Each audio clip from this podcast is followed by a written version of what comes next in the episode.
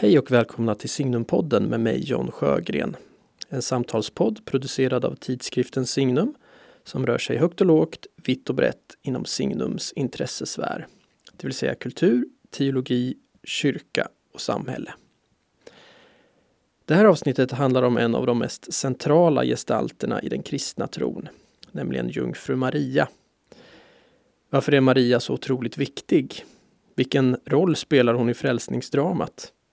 Varför är det viktigt att låta många olika bilder av Maria komma till tals? Vad kan den feministiska kritiken av Mariakulten lära katolska kyrkan? Och vad kan mariologin lära feminismen? Det är några av de frågor som tas upp i avsnittet. Gäst är Louisa Bergdahl som är docent och lektor i pedagogik vid Södertörns högskola samt medlem av Signums redaktionskommitté. Louisa har i två års tid gett kursen Maria i kult, konst och samhällsvision i Katolska pedagogiska nämndens regi och har vid ett flertal tillfällen skrivit om mariologiska teman utifrån feministisk teoribildning i Signum.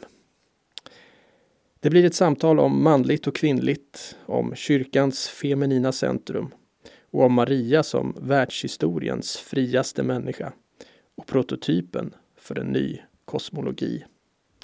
Hoppas ni ska finna samtalet intressant.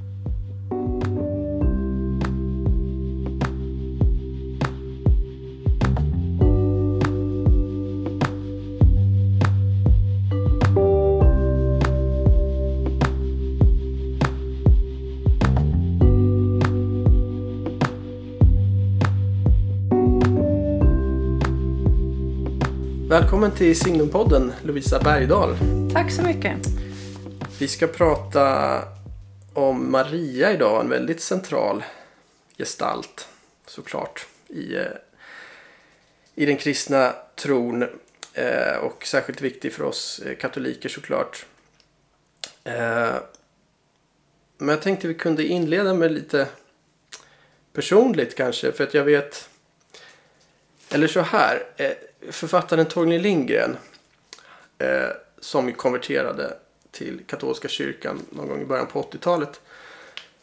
Han fick ofta frågan varför han gjorde det. Han ville sällan svara på det. Han var väldigt... Eh, ja men han värnade sin, sitt privatliv mycket och sa att han, han ville helst inte prata om det. Men några få gånger uttalade han sig mm. om varför han gjorde det.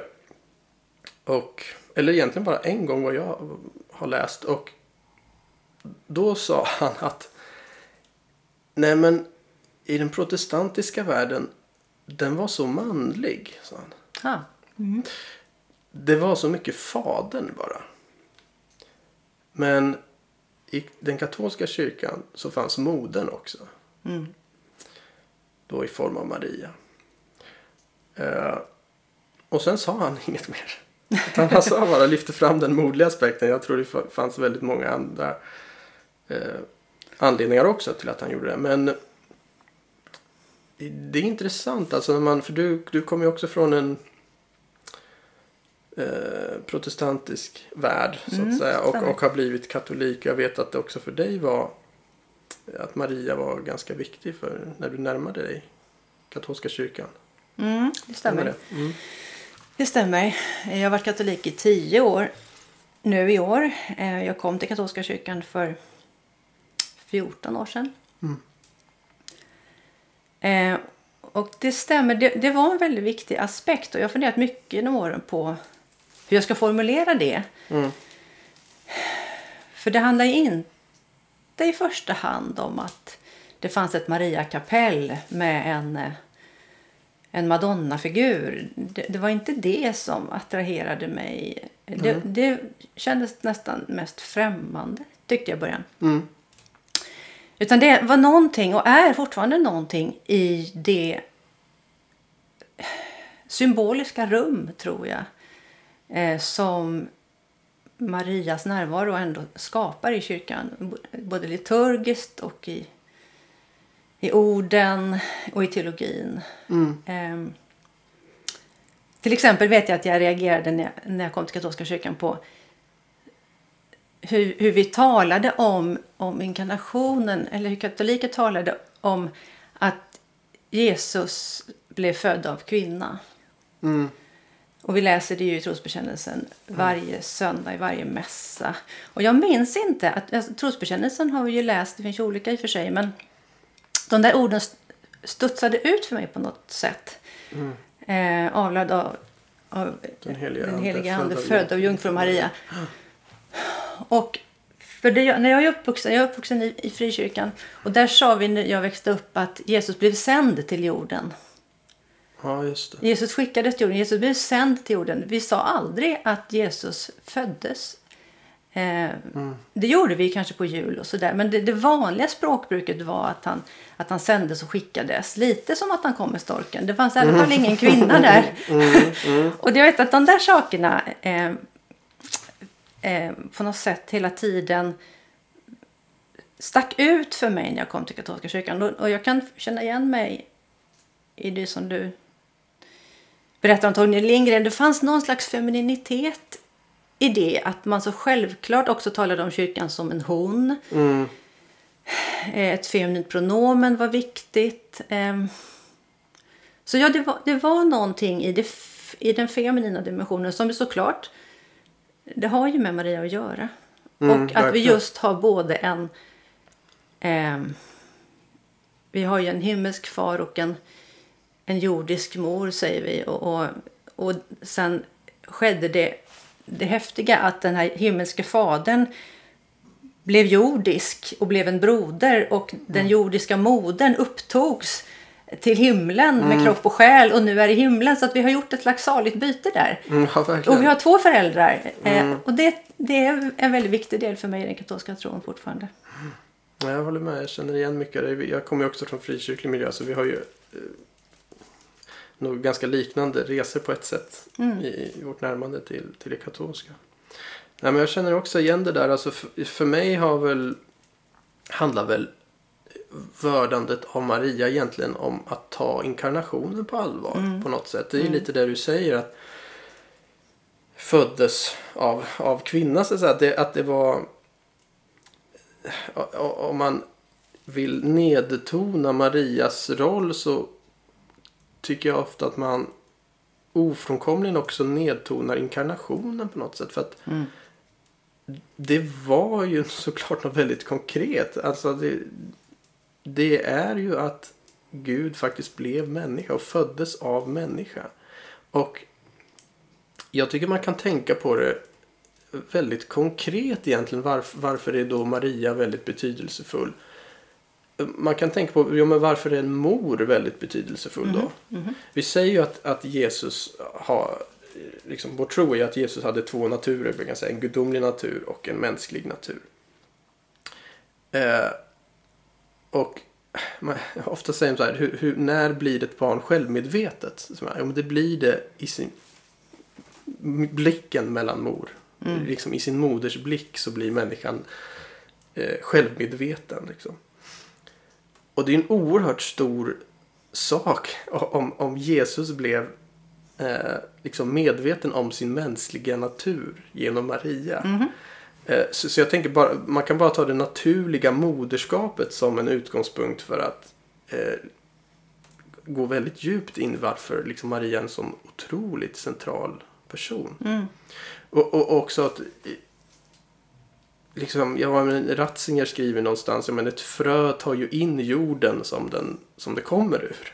Eh, och så vidare. Så att bara det här Marias naturliga moderskap eh, eh, gör henne ju viktig. Sen kan vi gå in på massa andra djupare aspekter också. Men bara, bara själva det naturliga moderskapet är en sån viktig del, tänker jag. Ja, exakt. Och för mig handlar det också väldigt mycket om det. Alltså, Mariologi alltså, om, om, handlar ju om inkarnationsteologi. Mm. Och inkarnationsteologin har sin grund i denna kvinnas kropp. Mm. Ehm, och det är något väldigt fascinerande tycker jag. Det där har ju katolska och ortodoxa kyrkan förvaltat i årtusenden nu. Eh, och det är ju det, är så, det som är intressant med det är att det här, alltså att Gud blir människa i en kvinnas kropp. Eh, det finns en djup solidaritet som, som, som detta, detta får symbolisera. Alltså Marias havandeskap Mm. är ju ett, jag ser det som en, en solidaritetsfråga. Alltså Gud är så solidarisk med sin skapelse. Mm. Eh, så att han väljer att placera sig själv i en kvinnas livmoder, i en kvinnas kropp. Som i antiken såklart inte har särskilt högt värde alls. Eh, Nej, det var ju liksom den här synen på kvinnan mer som en, bara en behållare då. Ja, för mannens säd i stort sett. Precis. Det var, det var det, ak- det kan vi komma in på sen. eh, Aktivit, Maria som aktiv också. Ja, just det. Eh, eh, Men här behöver verkligen- vi inte mannens säd intressant. Nej, Till skillnad nej. från de här naturkulterna också. Där mannens säd var så väldigt viktig. Och, och, och det, det behövs inte här. Så det är, en slags, det är en slags protest också mot den typen av fruktbarhetskult. Mhm. Ehm, Vi ser inte det idag riktigt hur otroligt subversiv den Nej, tanken var då. Exakt så. Mm. Ehm, och det här, alltså. Som jag sa, det, det, det är det mest partikulära eh, som Gud kan göra. Placera sig själv i en kvinnas livmoder. Samtidigt skapas också då det mest universella villkoret för alla människor. Vi är alla födda ur en kvinna. Till och med vår Gud är det. Och det, där finns det den djupa solidariteten tycker jag. Eh, mellan Gud och människa. Som jag tycker är en otroligt stark eh, tanke. Och sen, sen finns det många eh, olika ep- epitet på Maria. Det, det jag själv gillar mest det är jungfrumodern. Alltså det, det uttrycket. För det rymmer för mig det som är så tjusigt med katolsk teologi. Och när katolsk teologi är som bäst så, så förenar den det till synes motsägelsefulla. Mm. Eh, utan att radera distinktionerna. Utan med bevarad distinktion så förenas här eh, jungfrulighet och moderlighet. Mm. Och det är ingen dikotomi, det är skillnad på dikotomi och distinktion. Men det är en distinktion att bevara. Och Marias jungfrulighet säger ju någonting om Kristi gudomlighet. Mm. Apropå Kristi två naturer som jag var inne på. Mm. Och moderligheten säger någonting om eh, Kristi, Jesu mänsklighet. Så att, så att Mm. jungfrun handlar om, om, om Kristi, alltså gudomligheten och jordiskheten förenas i jungfrumodern. Så att Mm. Maria är både jungfru och, och mor samtidigt. Mm. Och det har med Kristus att göra. Sen, kan vi, sen har det också med kvinnan att göra. Vi kan komma in på jungfrulighet sen kanske. Mm. Ehm, för det har också med kvinnligt subjektskapande att göra skulle jag säga. Men, men just jungfrumodern som, som dess teologiska betydelse är väldigt intressant. Och Verkligen. Jesus har hela sin mänsklighet från en kvinna. Det är väldigt, Ja. det är väldigt intressant att tänka kring. Det det. Det finns ingen man med här Nej. överhuvudtaget. Utan hela mänskligheten Mm. har han från sin mor. Just det. Det är sant. Nej, det, jag håller ju helt med om det här med, med eh, distinktioner, inte dikotomier. Alltså man kan ju säga att, att det vilar på paradoxer. Just det. För paradoxer är inte motsägelser, det säger inte emot varandra men det, det, är, mm, det handlar på något sätt, det, precis som du säger, mycket katolsk teologi är ju detta att hålla fram paradoxerna och på något sätt nästan ibland överbetona paradoxerna. Men det är ju en sån typisk paradox då med jungfrumodern. Man kan tycka att det är en motsägelse då att vara jungfru och moder men nej det är en paradox. För, för det, eh, det är en djup sanning där. Men, och jag tycker att eh, ett annat sätt som man kan se liksom jungfru, jungfrulighet och moderlighet hänger samman hos Maria. Vi pratar ju också om henne som eh, ho- hon är ju inte bara Jesu mor utan hon är ju alla kristnas mor. Hon är hela kyrkans mor. Hon är vår andliga mor så att säga. Eh, hon föder Kristus i våra hjärtan också så att säga. Och eh, för det finns ju den här dogmen då också om, om eh, att Maria förblir jungfru så att säga. Hon- hon- Och det tror jag man måste förstå i ljuset av moderlighet också. Alltså att, att hon Alltså man kan jämföra med celibatet som en, en präst som, är, eh, som lever i celibat säger nej till att, att så att säga, fostra eh, säga, riktiga söner då, eller liksom det naturliga söner för att, för att kunna vara far till väldigt många en andlig far. Så att det. Och ungefär samma sätt tänker jag om Maria. Alltså att hon, hon förblir jungfru hela sitt jordiska liv för att hon ska vara, kunna vara allas vår mor. Så att säga. Så hon måste kunna säga liksom, nej till att hon blir bara Jesu mor. Eh, för att hon ska kunna sen vara hela kyrkans mor och alla kristnas mor. Ja, just det. Det finns ett universellt an- anslag i det där. Mm. Och, där, och där på något sätt finns det att hon, är, hon måste vara jungfru för att kunna vara mor. Till oss alla så att säga. Just det. Och jungfruligheten här handlar ju inte om, vilket ibland misstolkas som sexualfientlighet. Nej, utan, verkligen. utan Marias ständiga jungfrulighet, det vill säga att hon förblev jungfru före, under och efter eh, havandeskapet och, Mm. och, och, och, och födseln av Jesus eh, har ju en teologisk poäng. Mm. Och jag, jag läser gärna jungfrulighet som en fråga om integritet. Alltså det, det, är den, Mm, det. det är den sfär som en kvinna behöver bevara för att kunna, kunna värna om sin gudsrelation. Mm, mm. eh, faktiskt. Och att kunna just utöva moderskap som du säger i, i, i, i, i större mening än barnafödande. För när vi pratar om moderskap i katolska sammanhang så talar vi verkligen om det i, i utvidgad mening. Det är, ju, det är ju såklart att föda biologiska barn men det är Ja. mycket större än så. Ja, om man säger alla människor är ju kallade att bli mödrar och fäder. Så kan man ju se. Så kan man På, det. på olika sätt. Alltså det betyder inte att alla ska mm, eh, få, få biologiska barn. Nej. Men att eh, moderskap och faderskap är ju något universellt som alla är kallade till. Mm.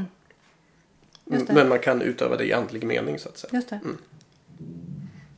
Ja men det är intressant. Vi, vi är ju inne lite på det nu här med eh, eh, det, liksom manligt och kvinnligt. Man kommer ju in på det här. Det är ju det är ju oundvikligt. Ja, det är det. Eh, och det, det är nästan lite tabu idag att prata om manligt och kvinnligt och sådär. Det kan vara, det, det kan vara liksom svår mark att, att gå på. Men, men eh, om vi tänker då, för jag, tänker om man ser på kyrkan.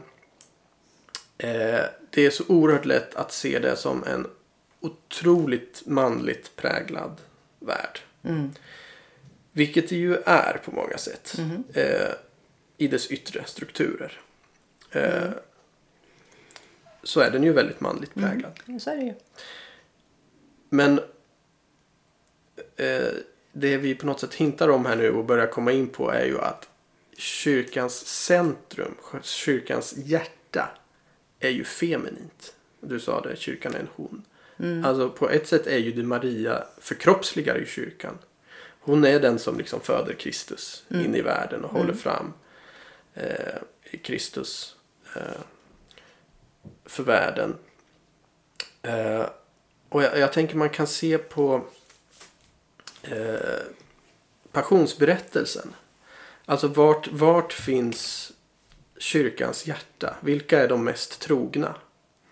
Mm. Vad är det som händer i passionsberättelsen? He- Hela liksom prästerskapet, eller lärjungarna, det är som, de som representerar prästerskapet, så här, kyr, kyrkans struktur, kyrkans eh, eh, yttre struktur, de flyr. Mm. Just det. Petrus, själva klippan, alltså påven då så att säga, eh, urpåven, han, han förnekar. Eh, Han är borta. han är borta, han sticker, han förnekar tre gånger och sticker. Ja. Eh, en förråder ju till och med. Eh, vilka står troget kvar vid korset? Det är kvinnorna, inklusive Maria. En lärjunge finns ju kvar eh, vid korset också. Den som Jesus älskade som det står. Tillsammans med modern. Och så ser Jesus detta från korset och säger där, där är din son, där är din mor. Och då tänker jag, då går det upp för oss varför, varför den där lärjungen är där. Jo, för att där vid korset, där etableras kyrkans verkliga hierarki. Alltså, lärjungarna, prästerskapet, finns till för att tjäna kvinnan. Som, är, som är modern. Alltså den verkliga hierarkin, alltså högst i hierarkin, är ju Maria. Och prästerskapet, det är ju en tjänande tjänst. Det är en tjänst man gör. Mm. Eh, hela den här manliga struktur som vi ser när vi bara ser den yttre liksom, strukturen i kyrkan. Alltså, de finns bara till för att tjäna moden. För att tjäna det feminina så att säga, som, som är hjärtat. Sen kan det vara liksom att det låter som eh, ja, det, att man rättfärdigar liksom att kvinnor inte har någon liksom, reellt inflytande i praktiska liksom, Ja, det kan frågor. låta så, så, och, och där vill jag inte hamna. Men jag tror att för, för att det finns ett verkligt sånt problem. Mm. Eh, Det gör det liksom att kvinnor inte har något faktiskt inflytande för att det är biskoparna som, som bestämmer allting. Så, att, så jag vill inte liksom tona ner det. Nej. Men, men jag tror att man måste se det här också. För att annars ser man inte hela bilden. Mm. Och det kan vara väldigt svårt att se för någon som liksom kommer utifrån. Att man ser inte det här att Mm. Ja men som du sa, vi pratar om kyrka som hon. Alltså det Alla de här männen ni ser. De är bara tjänare. Liksom. Känner den stora kvinnan. Ja, Jo men absolut, det finns ju den dimensionen. Eh, Men som du säger, det är också viktigt att det inte får användas som en slags täckmantel för Nej. att inte förändra också de mer sociologiska strukturerna. För, Precis. för nu talar vi om, nu talar vi om teologiska, en slags te- teologisk symbolik ju. ja, nu är jag uppe på en ganska hög liksom, teologisk Ja, metanivå. Ja, Eh, och, och jag är lite, jag kände det liksom när jag började harangen. att, att, att det är lite farligt att säga det. För Ja, att det, kan, det kan låta som att alltså är allt bra som det är. Nej, och, och det är inte det jag vill, Nej, jag vill säga. För att jag tror verkligen att det finns ett stort problem med att kvinnor har så rejält lite inflytande Mm. i, i kyrkan rent praktiskt. Det, det tror jag är ett stort problem. Men man måste också se den här aspekten. Mm. Att så här ser teologin ut. Så säga. Och det är ju också konstigt, tycker jag, att vi... vi alltså kyrkan är rätt queer på många sätt. Alltså vi, vi, vi leker, vi går in och ut ur, ur könsroller i kyrkan. Alltså alla kyrkodeltagare, alla som sitter i mässan, hela folket behöver ju eh, i mässan vara kvinnor. För, för Absolut. så, eh, för vi är en hon tillsammans. Sen kommer vi till, och vi ska inte gå in på det antagligen, men, men vi kommer till, till kvinnoprästfrågan. Då leker vi inte kön alls. Då blir det bara biologi helt plötsligt. Och Då, då, Ja, så, att, så, vi, så ibland har vi cementerat det och ibland tillåter vi oss att leka med det liturgiskt. Och det är väldigt tajta gränser när vi... När vi Ja. och det, Nej, men, det kan jag tycka absolut. är inkonsekvent. ja. Men du var, inne på, du var inne på könsskillnad förut och det tycker jag är spännande därför att jag tror att här ligger någonting som vi behöver, eh, skulle kunna som vi skulle kunna begagna oss av ännu mer i katolska kyrkan. Alltså det, Jag lyssnade faktiskt på, det var, det var nog ja, två år sedan nu, eh, Hönökonferensen, jag är uppvuxen på västkusten. Och för två år sedan så hade Magnus Malm en bibelstudie om Maria. Väldigt intressant. Eh, och en sak som han sa som fastnade i mitt huvud var apropå Maria och den feminina dimensionen i kyrkan. Så sa han det är bara en könlös kyrka som förökar sig genom delning. och, det, och det är rätt intressant. Alltså, det finns någonting här i ehm, den här moderligheten och faderligheten. Att båda de får plats. Och det, och det måste vi jobba på också i katolska kyrkan. Att förvalta det så det inte blir den här patriarkala klerikalismen som, som, vi, som vi också jo- jo- brottas med en del nu faktiskt. Att, att, att låta det få, så att det inte blir enkönat. Vi har potential för att låta det få vara eh, minst två kön i kyrkan. Alltså en, en könsskillnad. Och, och det är lätt att det blir enkönat hos oss. Det får vi faktiskt erkänna tror jag. Och, Ja. där, och det gör vi också om vi, om vi, den risken löper vi också om vi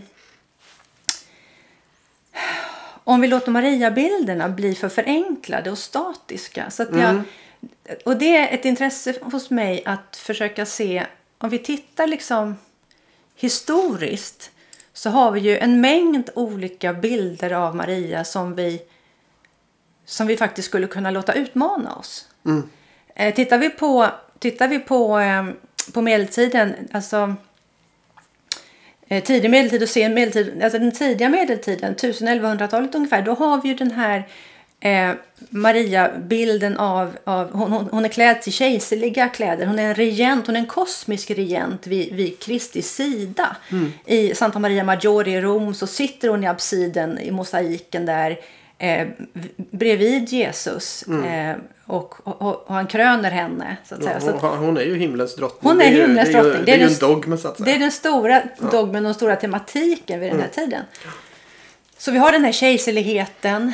Eh, och sen har vi senare, alltså 13-1400-tal, då får vi den här ammande Maria. Eh, modern är eh, den stora tematiken då. Maria Laktans, mjölkgiverskan som föder sina, sina barn. Om- till- Går man på Uffizierna i Florens till exempel så har man ju Alltså hur många renässanskonstnärer som helst som målar den här barbröstade, ammande Maria. Mm. Eh, och det är väldigt fascinerande att tänka att de här männen, renässansmålarna, har kunnat måla fram den här moderliga ömheten på ett så väldigt tjusigt sätt faktiskt.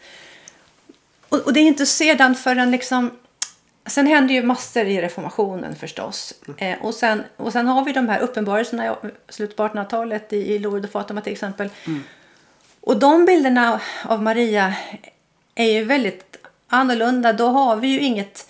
Alltså om vi har regenten först och sen har vi modern med det ammande barnet i famnen sen.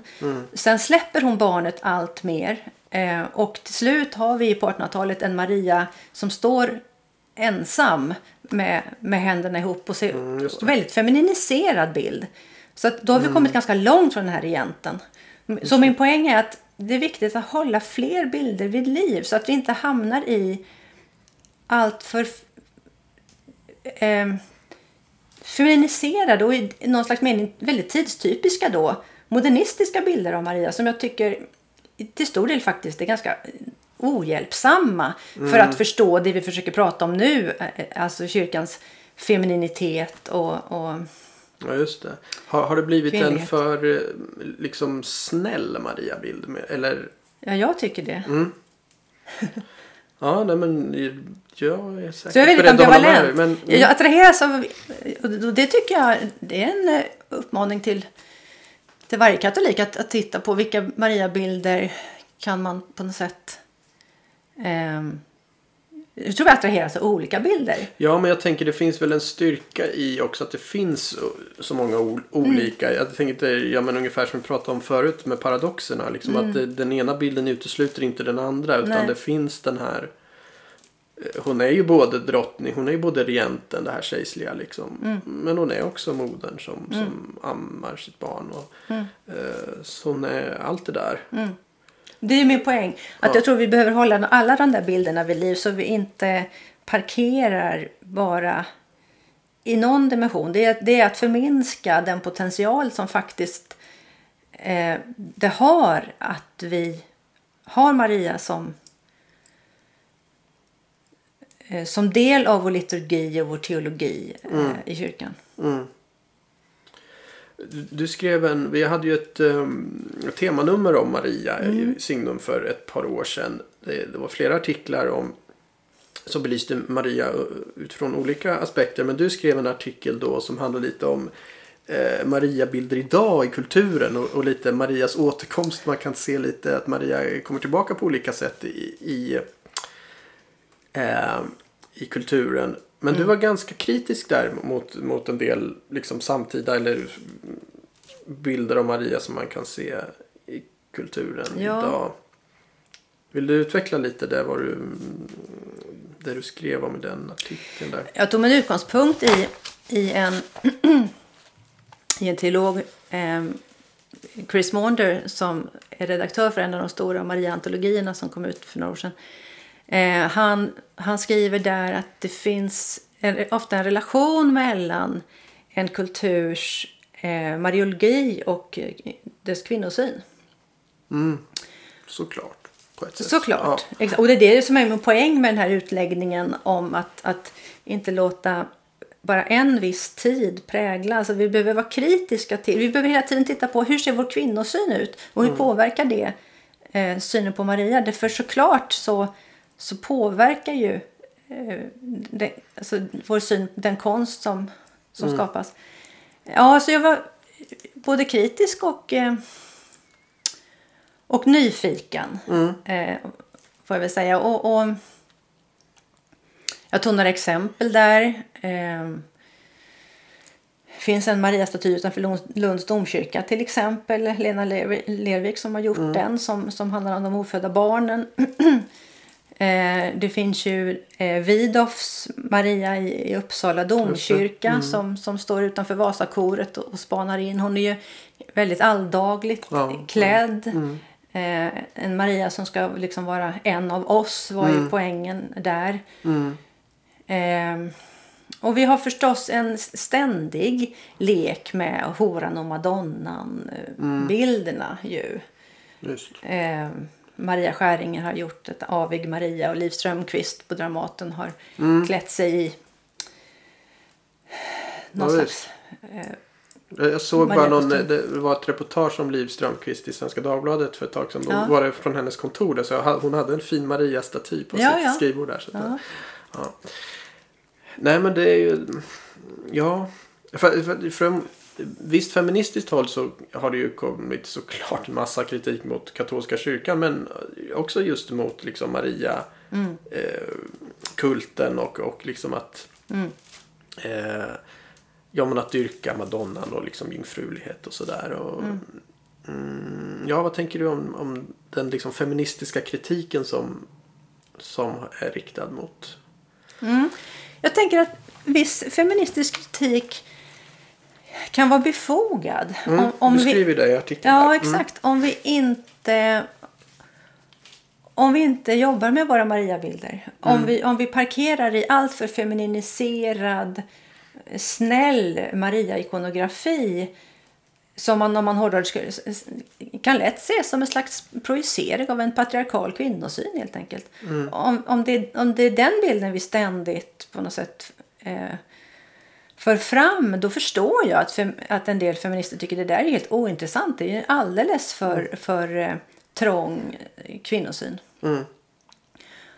Och det är sorgligt eftersom jag tror samtidigt att det finns en jättepotential här. Att faktiskt, för att jag, det är ju, jag tror att att vi har en en, en gudomlig regent i Maria tillsammans med Kristus, att det finns i den kristna tron, är ju otroligt centralt eh, för kvinnor. Eh, vi, vi, vi, vi behöver ju ta det på allvar och, och, se att det finns en, eh, det finns en, en transcendent kvinnlighet också. För, för det är ju det som många feminister har skrivit, feministteologer har skrivit om att hur ska en kvinna kunna eh, växa i sin andlighet i en, i en kristen tradition där, där den stora estetiken handlar om en lidande man och, och, och, och Gud fadern och, och Jesus sonen. Det är de Ja. stora figurerna. Va, va, va, vad lämnar det kvinnor idag? Och det är en jätteviktig fråga och det har ju många feministiska teologer skrivit om. Då sä- säger en del, jo vi måste tala om eh, gudinnan, säger en del. Det vi, gjorde vi i Sverige på 70-talet en del, hel del. Visst. Och det har funnits en slags vakuum här eh, i en protestantisk kultur, särskilt faktiskt måste jag nog säga. Jo. Vart ska, vart ska vi vända oss? Till en gudinnekult eller ska vi vända oss till nyandligheten som, som, som helt plötsligt börjar tala om det kvinnliga som något heligt då? Och här finns, det, här finns det, tänker jag mig, i, i, i Maria och, och i mariologin en möjlighet för att, att skapa ett symboliskt rum som är viktigt för eh, kvinnors andlighet och, och, och kvin, kvinnors möjligheter att, att, att bli subjekt i den kristna tron. Alltså vi, har, vi har ju erbjudits detta. Det finns en enorm potential i det. Och det, det, det är viktigt att vi utforskar det, tycker jag. Jag håller helt med. Eh, Men jag skulle dock eh, vilja lägga till att det är viktigt för både män och kvinnor. För att jag tror att, alltså i någon mening, eh, eh, alltså anledningen till att det liksom när man eh, i ett religiöst sammanhang när det, allting blir manligt kodat. Eh, att det blir tomt och torftigt och eh, att liksom då kommer det upp på andra ställen då det här gudinnekulter inom nyandlighet och så, så här, Det är helt naturligt för att jag måste säga, verkligheten är både feminin och maskulin. Alltså det, det Ja. alltså, Ja. du representerar ju bara halva verkligheten Ja, om allting exakt. bara är, är, är liksom i maskulina termer.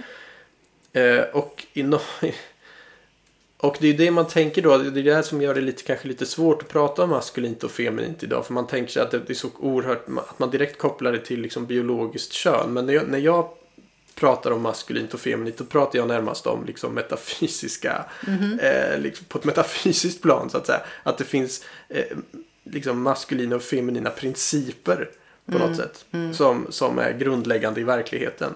Och i någon mening är jag i grunden jungian där. Att jag, jag liksom tänker att eh, för att bli en hel människa måste, oavsett vad man har för biologiskt kön, integrera både det manliga och det kvinnliga principen inom sig. Så Ja. Och, och en religion eller liksom en andlighet, ett religiöst uttryck måste ju också ha både ett manligt och kvinnligt eh, uttryck. Liksom, för att så är det ju verkligheten. Eh, Mm. Det. Så att, så att eh, det, jag är helt med, det är väldigt viktigt för kvinnor och för liksom, att lyfta fram kvinnan som ett subjekt. Och, och jag håller helt med om det där. Men jag ska säga att det är viktigt för män också. Alltså för, Ja. alla, för, för, att, för att vi, en man behöver också det kvinnliga så att säga. Jag, jag överlever inte heller bara på fadern och sonen eh, metaforiken. Nej, utan jag behöver också modern. Alla, alla behöver det. Det där är intressant och det där tycker jag vi skulle prata mer om män, som män och kvinnor då. För jag har ofta funderat över hur det är som man att relatera i huvudsak till sonen och fadern. Alltså, Mm, för mig, Ben kan tycka att det kanske är lättare för kvinnor att relatera till kanske. motsatt kön blir det ju då. Men Mm. Ni, ni får liksom, för er är det samma Ja. kön. Ja. Eh, Sen är det ju Ja, ja men sen är det ju lite liksom bedrägligt på ett sätt. Det här liksom att Gud som fadern. För att Gud är ju givetvis inte en man. Nej. Alltså i någon slags Nej, biologisk mening. visst. Men däremot Jesus var ju absolut en man. För att han var ju, var ju Det är ju också en del av inkarnationens var han, han var ju man så att säga. Eh, Men man kan också tänka att den här eh, feminina och maskulina principen eh, det ger oss, det tror jag vi är ute efter något viktigt, alltså den ger oss ett eh, ett, kö, ett könat språk tror jag är viktigt. För jag tänker som du att världen är könad. Eh, den är, och den är inte neutral någonstans. Och, och, och vi behöver kunna tala om feminint och maskulint. Eh, för att det, också, det ser ut så historiskt. Och därför tror jag den debatt som pågår nu om den leder till ett utsuddande av kön, det tror jag är problematiskt. Samtidigt som det är jätteproblematiskt också om vi cementerar könsroller. Så, så en, en viktig och svår balansgång tycker jag, det är den mellan sociologi och teologi. mm. Vi, vi, får vara jättevaksamma så vi inte översätter teologiska principer kring till exempel då det feminina och maskulina till sociologiska roller. Nej. Det, det där är en jätte...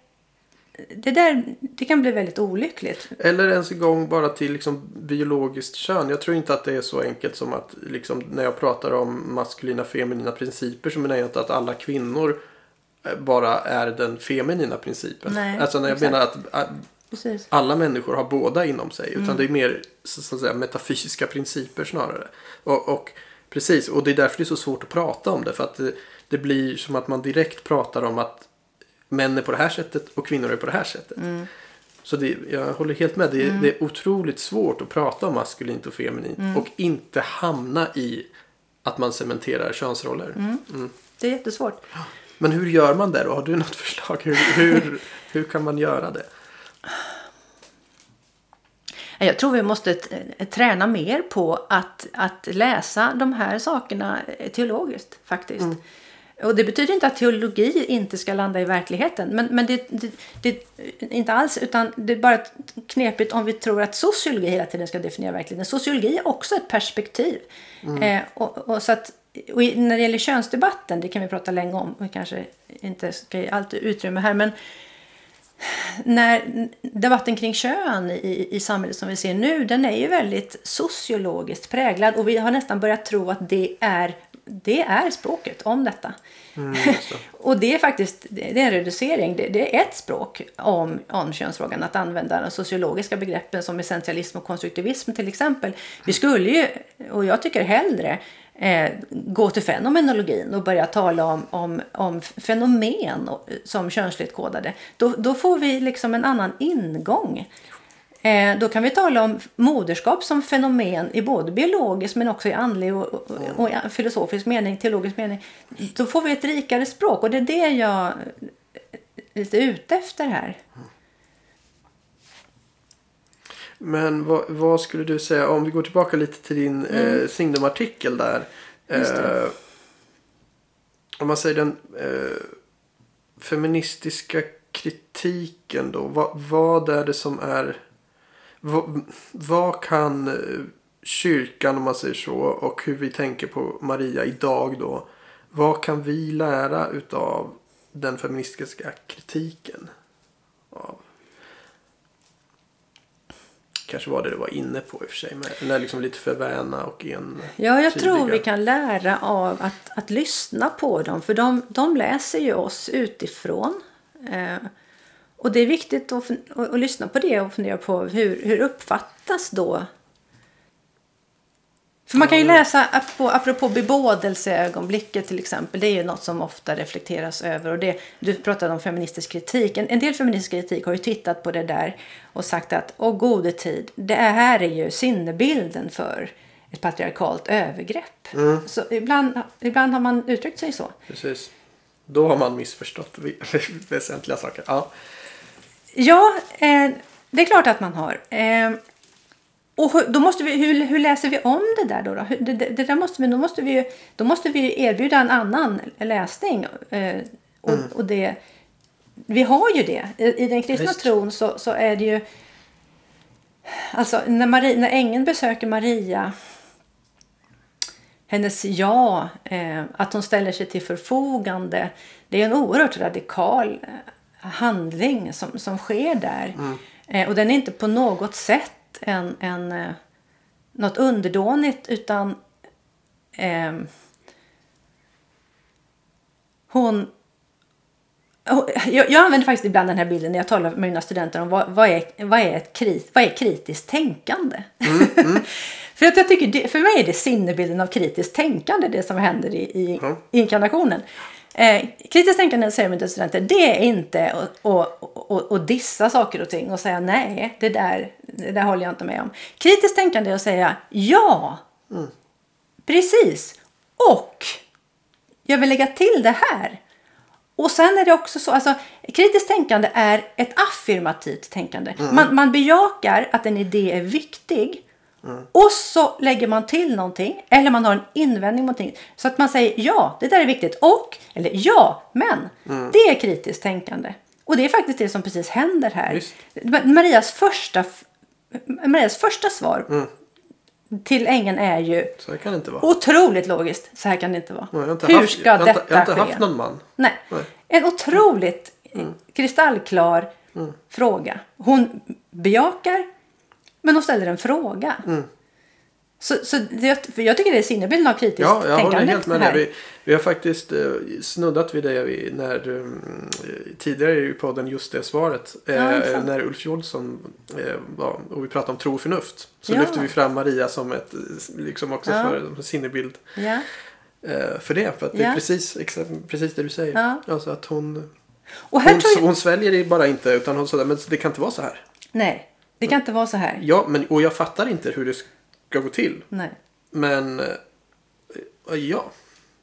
Det, till det hon inte. Det går, bortom hennes förnuft på något Exakt. sätt. Men det går inte emot förnuftet. För hon är inte oförnuftig. Hon bara inte säger ja whatever. Nej. Mm. Utan det är sån där men så här kan det inte vara. Ja, men, Så det, det, och, och där tänker jag att här har eh, den feministiska rörelsen en hel del att lära sig av teologin. Så vi, må, vi måste tänka åt båda håll här. Alltså, feminismen kan, kan hjälpa oss se våra blinda fläckar och, och vi kan också bidra. Alltså, jag, jag tycker det är intressant med den växelverkan. För att Jag är ju pedagog och jag funderar mycket på fostransfrågor. Det, det är liksom hela min yrkesprofession. Alltså hur fostrar vi pojkar och flickor idag till exempel?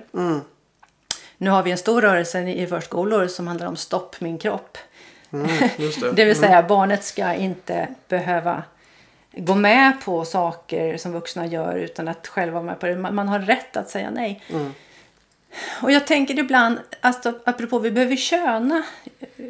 Jag tänker att tillvaron är könad precis som vi sa tidigare. Och vi, och vi behöver köna det här också. Och jag tänker att när vi fostrar flickor och pojkar så fostrar vi flickor i större utsträckning till att säga nej. Av begripliga skäl. Ja, ja, det får man ju säga. Ja, det finns... Det, det kan liksom...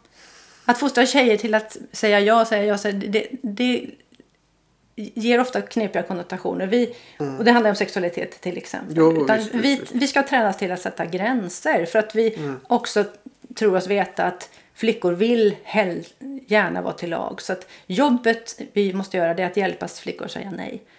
Sen har vi Maria då. Ja, Och hennes säger ja. Mm.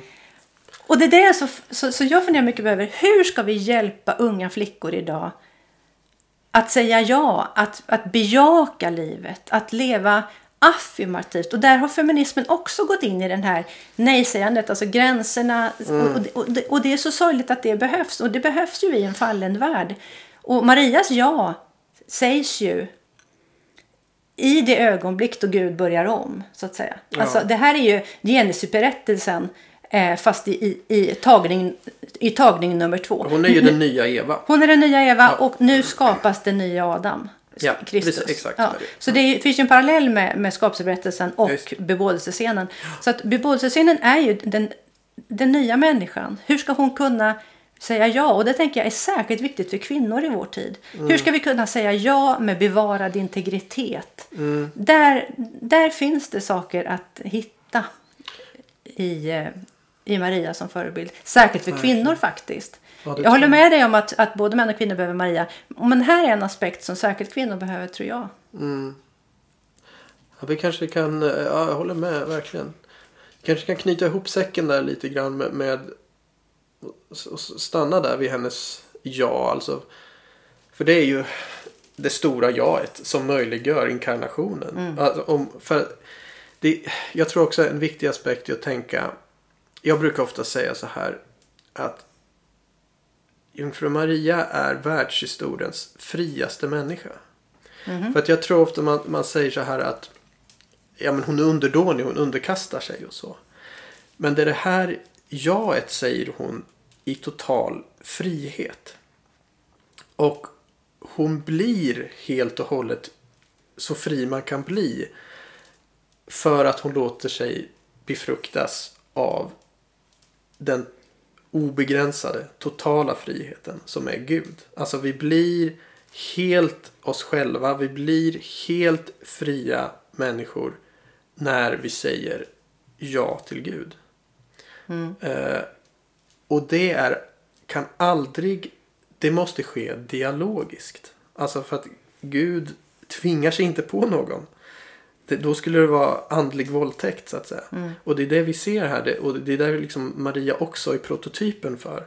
Att den här liksom dialogiska karaktären, att det sker i, ett, i dramats form. Alltså det är ett drama mellan Gud och människa. Och där är liksom Maria urrollen, urtypen för hur människan ska spela sin roll i, i förhållande till, till liksom den gudomliga friheten. Och det, det är också därför vi säger att hon är utan synd. För det finns ju också det att hon, är, hon är syndfri. För att hennes ja är det är 100 procent. Eh, och det är därför vi säger att hon är full av nåd också. Alltså det, det är ju att hon, hon kan säga ja helt och hållet till Gud. Och där är hon ju liksom prototypen och förebilden för oss alla kristna. Alltså vi är alla på något sätt kallade att, att göra det. Va? Men nu har det bara funnits en person i världshistorien som har varit så fri så att hon, hon har kunnat säga ja helt och hållet. För att ofrihet, att vara inte fri, det är att, att liksom säga nja. Vilket ju de flesta av oss gör. Mm. Mm. liksom när Gud bjuder in oss så säger vi ja, mm, jo, och, Mm. ja, men låt mig göra det lite på mitt sätt. Det är inte det här, precis som du sa, det är inte det här att bara ge upp sitt förnuft eller så. så det gör hon ju inte. Nej, inte alls. Men ändå att kunna tro så pass mycket eller vara så full av nåd. Att man kan säga helt och hållet ja. Så att man ska inte ställa det här liksom frihet mot att hon ger upp sin frihet. När hon säger ja. Utan hon blir helt och hållet fri när hon säger Ja, ja. du tänker så. Mm. Mm. Och det är ju, alltså apropå inkarnationen och hur vi, hur vi läser den. Jag tänker att det finns ju i, i den som kristna traditionen eh, två motiv på, på något sätt till eh, till Guds människoblivande. Alltså man kan ju läsa det som att å ena sidan, alltså Gud blir människa för att försona världens synder. Eller försona människan med sig själv. Det är ett sätt att läsa eh, alltså inkarnationsberättelsen på. Va- Varför blir Gud människa? Jo, för, för syndens om synden som människans skull. Eller för att lösa syndens problem skulle man kunna säga. Ja. Det är det som händer i den här berättelsen. Ett annat sätt att se på det, det är ju att Gud blev människa för att föra världen och skapelsen till fulländning. Eh, då är det ett svar på skapelsens godhet. Apropå att Gud skapar i Genesis och säger det var gott. Där säger Gud sitt första ja. Då säger Gud sitt första ja. Och han bejakar skapelsens godhet. Och i, i inkarnationen när, när Maria säger sitt ja, då, då börjar vägen till, för, för, för Gud att kunna återställa sin skapelse. jag och, tänker och då har vi, då har vi ett skape, en skapelseteologisk tematik i den andra läsningen nu. I den första har vi den försoningsteologiska, i den andra har vi den skapelseteologiska. För mig är det viktigt att vi pratar om båda de här två. Och, och det, var ett, det tyckte jag var en stor sak när jag kom till katolska kyrkan. Att jag, jag såg båda de här berättelserna. Från att i den frikyrkliga miljön, som jag också älskar väldigt mycket, där, där talar man ju gärna om försonings... Mm, det är starkt. För det är det starkare där. Och här har vi, här har vi en berättelse till. Alltså, och där, här är Maria det, det, det mikrokosmos med vilket Gud förenar sig. För att börja återlösningen av sin mänsklighet och skapelsen. Alltså, det är en väldigt tjusig berättelse. I denna djupa solidaritet i att, med människan. Att placeras, att, att, att ta, ta sin boning i, i hennes livmoder, i hennes kropp. Så börjar den här vägen. Och, och franciskanerna har ju förvaltat den här berättelsen eh, kanske tydligast i den katolska traditionen. Den skapelseteologiska. Eh, jag tycker det är bara fint att...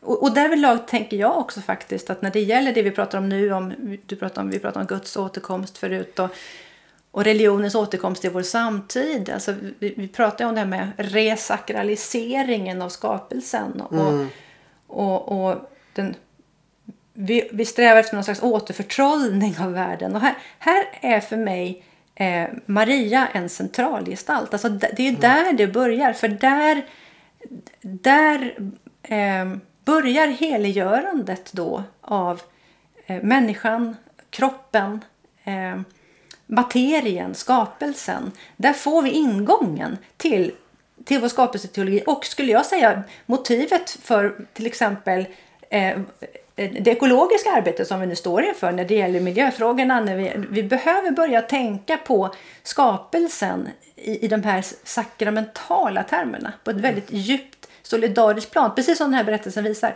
Den solidaritet som kommer fram här, det är den vi behöver ta tillvara på och fortsätta leva i. Så här har vi verkligen en prototyp tycker jag. Jag tycker det är häftigt. Ja, fantastiskt. Ja, jag, jag tror vi skulle kunna fortsätta hur länge som helst. Alltså, men jag kände det här blir så bra att avsluta. Ja, kanske det. Eh, jag tror vi får göra det. Men, ja, väldigt fint. Ma- Maria som... Ja, ja, det känns som vi som sagt, vi kunde hålla på Prototyp länge. för en ny kosmologi. För, för en ny kosmologi och skapelsen börjar på nytt. Mm. Men jag känner det, det är ett helt nytt, liksom ett eget poddavsnitt så här. Maria och ekologin. Otroligt intressant spår här på slutet. Men eh, jag tror för lyssnarnas skull också, så vi inte drar ut för mycket på tiden här, att vi får, får avrunda här. Men stort tack för detta samtal som rörde sig på många olika nivåer. Ja, Ja. tack själv John för Ja. inbjudan. Det var roligt att vara med. Ja, det var jättekul att få samtala med dig. Så tack Louisa Bergdahl för att du gästade Signumpodden. Tack. Och tack alla ni som har lyssnat och lyssna gärna på oss igen i nästa avsnitt. Hej så länge!